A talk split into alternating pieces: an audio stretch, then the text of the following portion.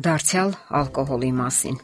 Տարօրինակ է, բայց այս թույնը ազատորեն կարելի է գնել ցանկացած խանութից։ Այն բոլոր խանութների պատվավոր զարդն է եւ իր երաշխավորված տեղն ունի ցանկացած մեծ թե փոքր խանութում։ Եվ այդ առևտուրը կարելի ասել ծաղկել է եւ շարունակում է ծաղկել։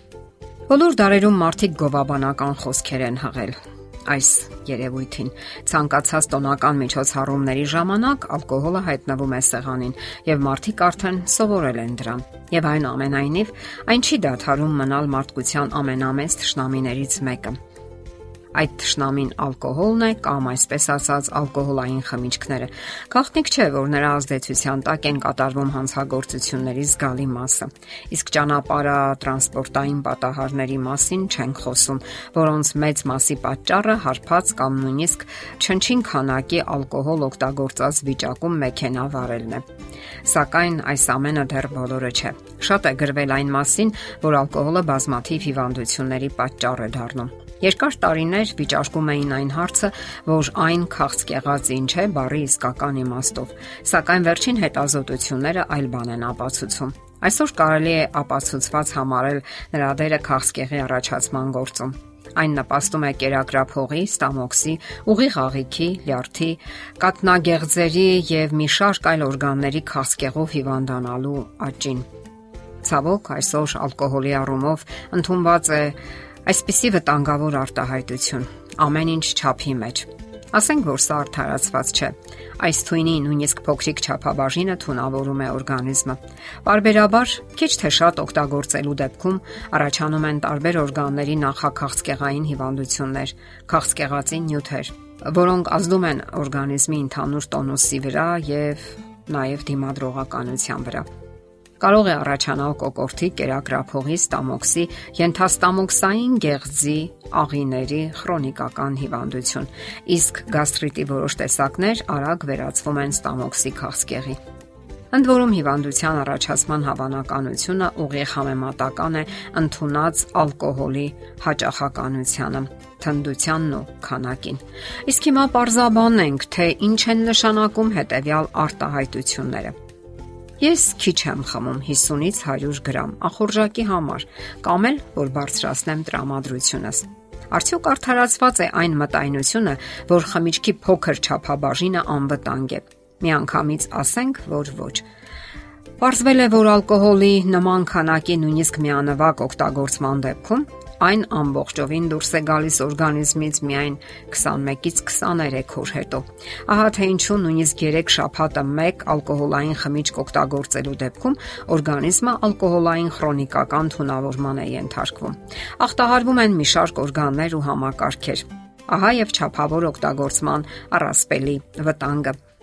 Ընդ որում ով կարող է ասել, թե որն է իր ճափը եւ կարող է արդյոք կանգ առնել առաջին բաժակից հետո։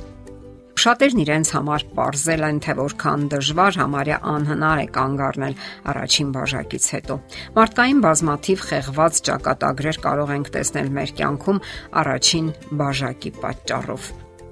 Պարբերաբար ալկոհոլային խմիչք օգտագործողների մոտ նկատվում է կերակրափողի եւ ուղիղ աղու հիվանդությունների աճ։ Հատկապես հարկավոր է նշել ալկոհոլային խմիչքների ազդեցությունը լյարդի վրա։ Լյարդը համարվում է օրգանիզմի թունազերծման կարևոր օրգանը։ Այն իր վրա է կրում ալկոհոլի մահացու ազդեցության առաջին հարվածները։ Բազմաթիվ հետազոտողների վիճակագրական տվյալներ հաստատում են, որ մեծ հավանականություն կա ալկոհոլի չարաշահման հետևանքով լյարդի ցիրոզ վաստակելու։ Եվ կապ գոյություն ունի ալկոհոլային ցիրոզի եւ լյարդի առաջնային քաղցկեղի միջև։ Վտանգներից մեկն էլ այն է, որ լյարդի քաղցկեղ կարող է առաջանալ նաեւ այն դեպքում, երբ չկան արտահայտված ցիրոտիկ փոփոխություններ։ Կրկնենք, որ ալկոհոլը եւ նրա քայքայման արդյունքում առաջացած նյութերը թունավորում են օրգանիզմը։ Դրանք գրգռում են օրգանիզմի լորձաթաղանթը, ընդդուք մինչև շնչառական ուղիների լորձաթաղանթը, ինչի արդյունքում ախտահարվում է նաեւ բրոնխ-թոքային ապարատը։ Այո, վտանգները բազմազան են, սակայն մեր օրերի կենցաղն ու հոգեբանությունը նպաստում են այդ օրինականացված թույնի լայն տարածմանն ու օգտագործմանը։ Եթե չկա հակագովազդը, ապա գործում է այն տրամաբանությունը, թե ոչ մի վտանգ չկա։ Իսկ ահա ալկոհոլային խմիչքների գովազդը պարզապես հսկայական է։ Ամենապարզ օրինակը ֆիլմերն են։ Յուրաքանչյուր ֆիլմում հերոսները լուրջ ու ծանրակշիռ տեսքով խմում են այդ թույնը։ Իրար հյուրասիրում, կարծես դա շատ կարևոր գործողություն է, եւ շատ ու շատ երիտասարդներ ընկնում են այդ հմուտ քողարկված թակարդը։ Իսկ հիմա մի քանի խոսքել կանանց վիճակագրության մասին։ Այսպես կոչված սեռական հեղափոխության արդյունքում կանայք նույնպես թեթևորեն իրենց ձեռքն են վերցնում մահացու թույնի գավաթը։ Նրանք այդպես ավելի ինքնավստահ են զգում իրենց Իսկ արդյոք գիտեն, որ մեծ կապ գոյություն ունի կատնագեղձի քաղցկեղի եւ օգտագործած խմիչքի բաժակների քանակի միջև։ Ֆրանսիայում եւ Իտալիայում կատարված ուսումնասիրությունները ցույց են տվել, որ գինի օգտագործելու դեպքում կատնագեղձի քաղցկեղ վաստակելու ռիսկը մեծանում է 1.5 անգամ, իսկ գարեջրի դեպքում 2.5 անգամ։ Ընդ որում կանանց մոտ մեծ է նաեւ վտանգը, որ կարող են հենց իրենք ուռուցքների առաջացման պատճառ հանդիսանալ իրենց ժառանգների համար։ Իսկ արդյոք ավելի վատ բան կնոջ համար։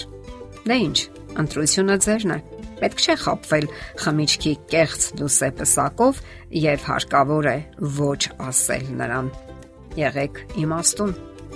Եթերում առողջ ապրելակերպ հաղորդաշարն է։ Հարցերի եւ առաջարկությունների համար զանգահարել 033 87 87 87 հեռախոսահամարով։